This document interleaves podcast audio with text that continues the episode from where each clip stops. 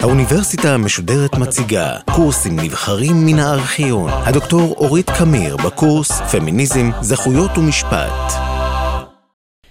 בשיחה הקודמת הצגתי את הערך כבוד האדם ואת המעמד המרכזי שלו בשיטת המשפט הישראלית, ודיברתי על הסוגיות של זנות ופורנוגרפיה בתור שתי דוגמאות לנושאים שאפשר לחשוב עליהם דרך כבוד האדם. היום אני אדבר על התופעה של הטרדה מינית, על זכותה של אישה לא להיות מוטרדת מינית, ועל הקשר בין הזכות הזאת ובין ערך כבוד האדם. בחרתי לסיים את הקורס בשיחה על הטרדה מינית גם בגלל המרכזיות של הסוגיה הזאת אה, לתיאוריה הפמיניסטית, וגם בגלל העניין הרב שהציבור הישראלי מגלה כלפיה בזמן האחרון. המונח העברי הטרדה מינית הוא תרגום של הביטוי האנגלי sexual harassment, שהפך למטבע לשון בארצות הברית אה, בסביבות אמצע שנות ה-70 של המאה ה-20. הטרדה מינית היא התייחסות לא רצויה לאדם, בדרך כלל לאישה, בתור אובייקט מיני. זו התנהגות בוטה שפונה על המיניות של אישה כשהיא לא מעוניינת בזה, ובאופן שהיא לא מעוניינת בו. התנהגות כזאת כופה, לכן, על האישה לתפוס את עצמה בתור יצור מיני, בהקשר שבו היא הייתה מעדיפה שלא לתפוס את עצמה כיצור מיני. הטרדה מינית שוללת מאישה את הזכות שקיימת לה להגדיר את עצמה כפי שהיא רוצה. כמו שכל אדם אוטונומי רשאי לעשות. והיא מקשרת אותה בכוח עם סטריאוטיפים פטריארכליים של נשים כמיניות בכל הקשר, וכיצורים שהם זמינים לשימוש מיני. הטרדה מינית מקשרת את האישה עם השקפת עולם שבתוכה המיניות שלה היא ביטוי לחולשה ומקור לבושה, והיא מחייבת את האישה, כשהיא לא מעוניינת בזה, אה, להרגיש חשופה לפלישה לפרטיות שלה, ולכן כמבוישת וכמאוימת. ההגדרה של הטרדה מינית בתור סוגיה משפטית של פגיעה בנשים אה, היא בעלת חשיבות מיוחדת בהיסטוריה של הפמיניזם הרדיקלי. כי הטרדה מינית היא ההתנהגות הראשונה שנשים בעצמן הגדירו אותה כפוגענית. ולכן היא ההתנהגות שמערכת המשפט פעם ראשונה הקשיבה דרכה לקולן של נשים. האמירה שאמרתי עכשיו היא אמירה מאוד משמעותית, בגלל שהיא חושפת את העובדה שבמהלך אלפי שנות משפט, כל הקטגוריות המשפטיות נקבעו תמיד על ידי גברים, מתוך נקודת המבט שלהם, מתוך ניסיון החיים שלהם, מתוך השקפת העולם שלהם. וזה חל גם על עניינים שנוגעים לחיים של נשים. אם נחשוב שנייה על אונס, אז נכון, תמיד היה איסור על אונס. אבל האיסור על אונס נוסח על ידי גברים שחוו אותו כפגיעה ברכוש שלהם ופגיעה אה, בכבוד שלהם.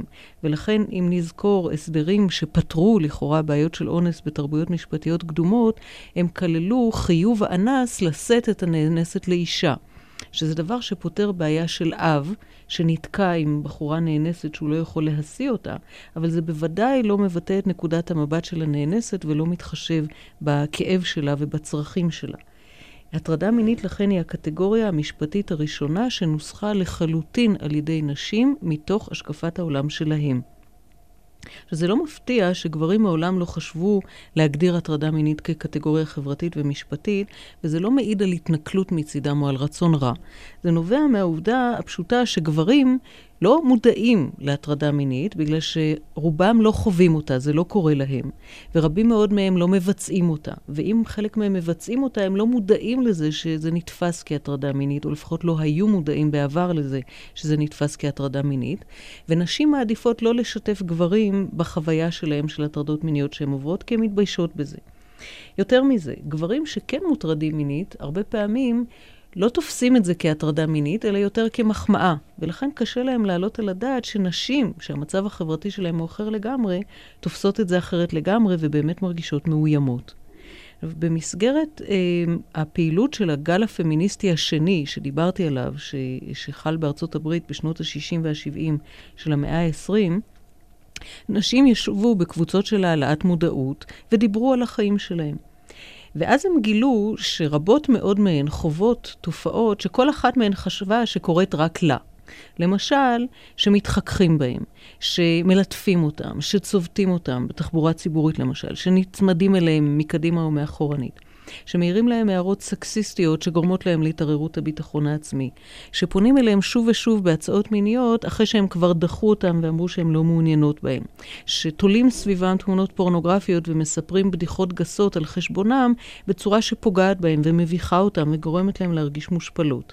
עד שהם דיברו על הנושאים האלה וגילו שהם קורים לכולם, כל אחת שחשבה שזה קורה רק לה, חשבה שהיא בטח אשמה, שהיא מתנהגת באופן שמזמין את זה, שמשהו לא בסדר איתה, שאולי היא רגישה מדי בזה שהיא שמה לזה לב.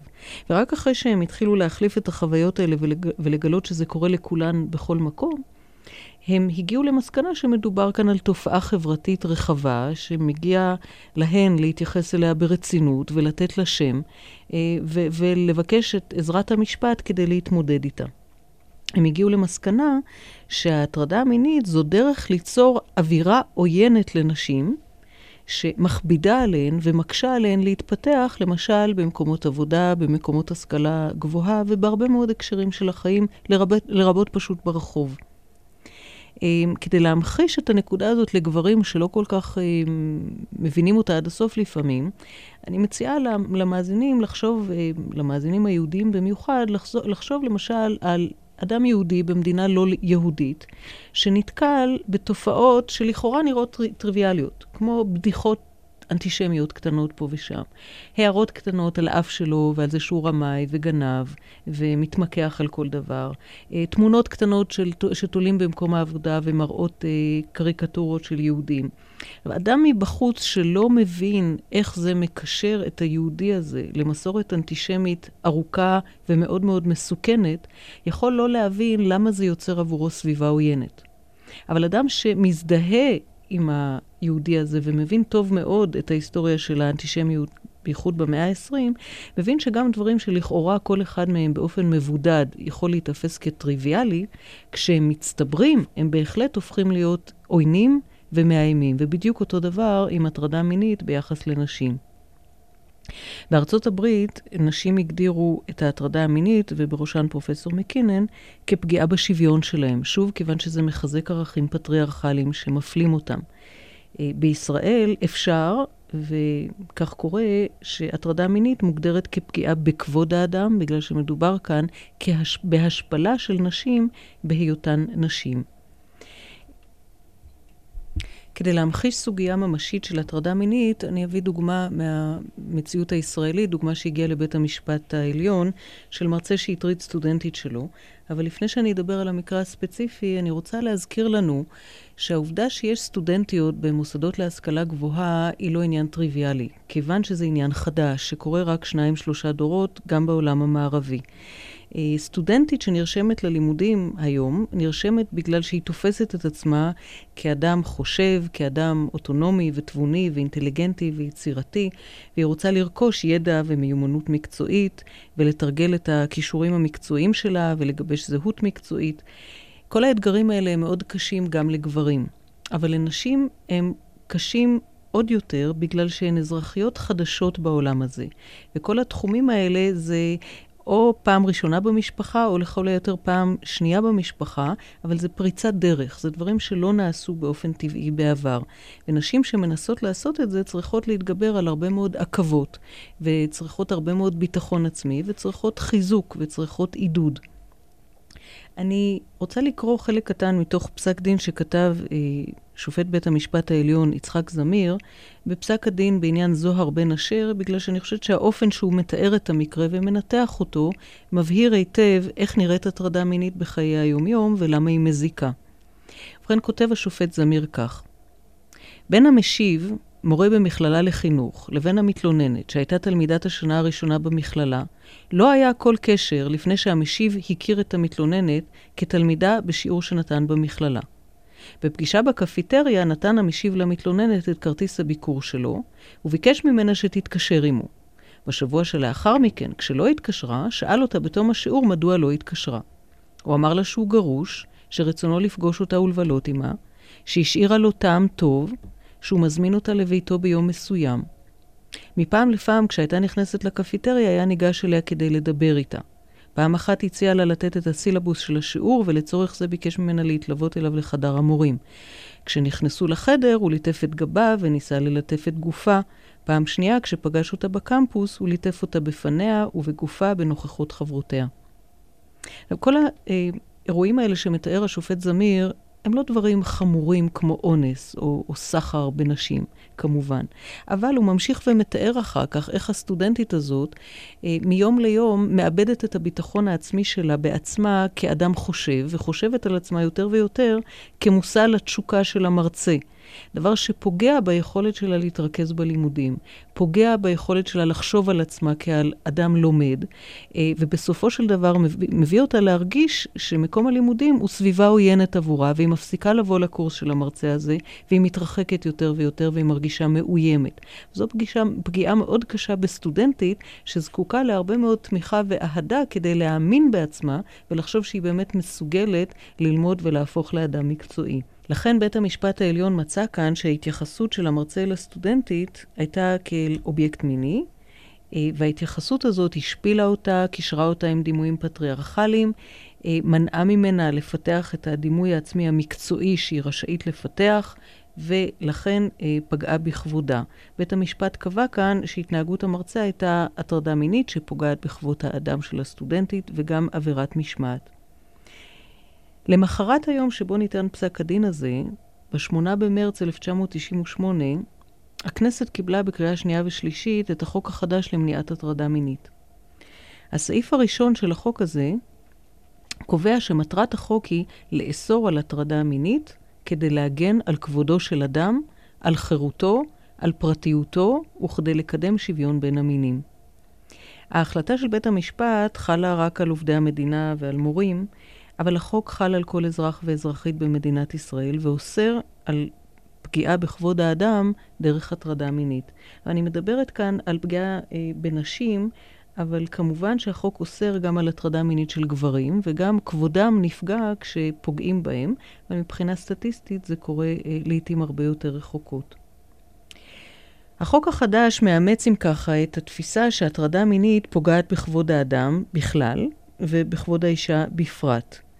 אה, החוק מגדיר קבוצה של התנהגויות, שכל אחת מהן נחשבת מעכשיו ואילך, או מ-1998 ואילך, הטרדה מינית. ההתנהגות הראשונה היא סחיטה באיומים, כשהמעשה שמנסים לסחוט מהמוטרדת הוא בעל אופי מיני. אה, כלומר, אם תעשי מעשה בעל אופי מס... מיני מסוים, תקודמי בעבודה, או אם לא תעשי אותו, לא תקודמי בעבודה. המעשה השני הוא, מעש, הוא מה שנקרא עד עכשיו מעשים מגונים. כלומר, זה מעשים שנעשים על ידי אדם לצורך סיפוק מיני עצמי או ביזוי מיני של הזולת בלי הסכמה של הזולת. הקבוצה השלישית של התנהגויות זה הצעות חוזרות בעלות אופי מיני שמופנות לאדם שהראה שהוא לא מעוניין בהם. כלומר, אחרי שאדם אומר שהוא לא מעוניין בהצעות מיניות, אם ממשיכים ומציעים לו אותם, זו הטרדה מינית. הקבוצה הרביעית זה התייחסויות חוזרות שמתמקדות במיניות של אדם, כשאותו אדם הסביר שהוא לא מעוניין בהתמקדות הזאת במיניותו. והמעשה החמישי זה התייחסות שהיא משפילה או מבזה, שמופנית לאדם ביחס למיניות שלו או למין שלו, וגם ביחס לנטייה המינית שלו. החוק אגב קובע שכשמדובר ביחסי מרות או טיפול ואדם מנצל יחסים ביחס לאדם שכפוף לו, גם אם האדם הכפוף לא הראה שהוא לא מעוניין, אה, צריך להימנע מלעשות את המעשים האלה, ואם עושים אותם עם הטרדה מינית, בגלל שאדם כפוף לא תמיד יכול להראות מה הוא מעוניין ומה הוא לא מעוניין.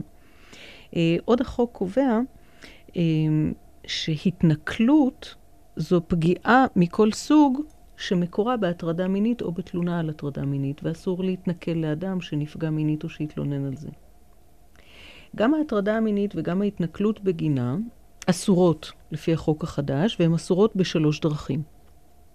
ראשית, הן מהוות עבירה פלילית, וניתן להתלונן עליהן במשטרה.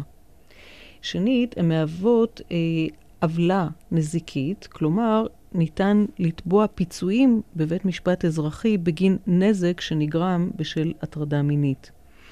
אמ, הדבר השלישי הוא שהתנהגות שהיא עבירה הטרדה מינית היא דבר שהוא אסור במסגרת עולם העבודה. כלומר, כשאישה מוטרדת מינית בכל מקום בעולם, באוטובוס, ברחוב, בבית ספר, בכל מקום, היא יכולה לעשות אחד משני דברים. היא יכולה להגיש תלונה במשטרה, ואו יכולה להגיש תביעה בנזיקין בבית משפט אזרחי. ואגב, בית המשפט האזרחי מוסמך לפסוק לה פיצויים של עד 50 אלף שקל, גם אם היא לא מוכיחה שום נזק מעצ... מעבר לעצם ההטרדה המינית. כי ההטרדה המינית עצמה נתפסת כבר כנזק. עכשיו, אם ההטרדה המינית קורית במקום העבודה, אז העובדת מוטרד, המוטרדת, בנוסף לשתי האופציות הראשונות, זכאית גם לפנות למעביד ולדרוש ממנו לטפל בתלונה. והמעביד חייב מצידו לנהל הליך הוגן ורציני ומכבד, שישים קץ להטרדה נגדה וידאג לזה שהיא לא תיפגע בעתיד. אם מעביד מסרב לנהל הליך כזה, או מנהל אותו באופן בלתי יעיל, אזי העובדת רשאית לתבוע אותו עצמו בגין ההטרדה המינית שנגרמה לה, ולדרוש ממנו את הפיצוי על ההטרדה.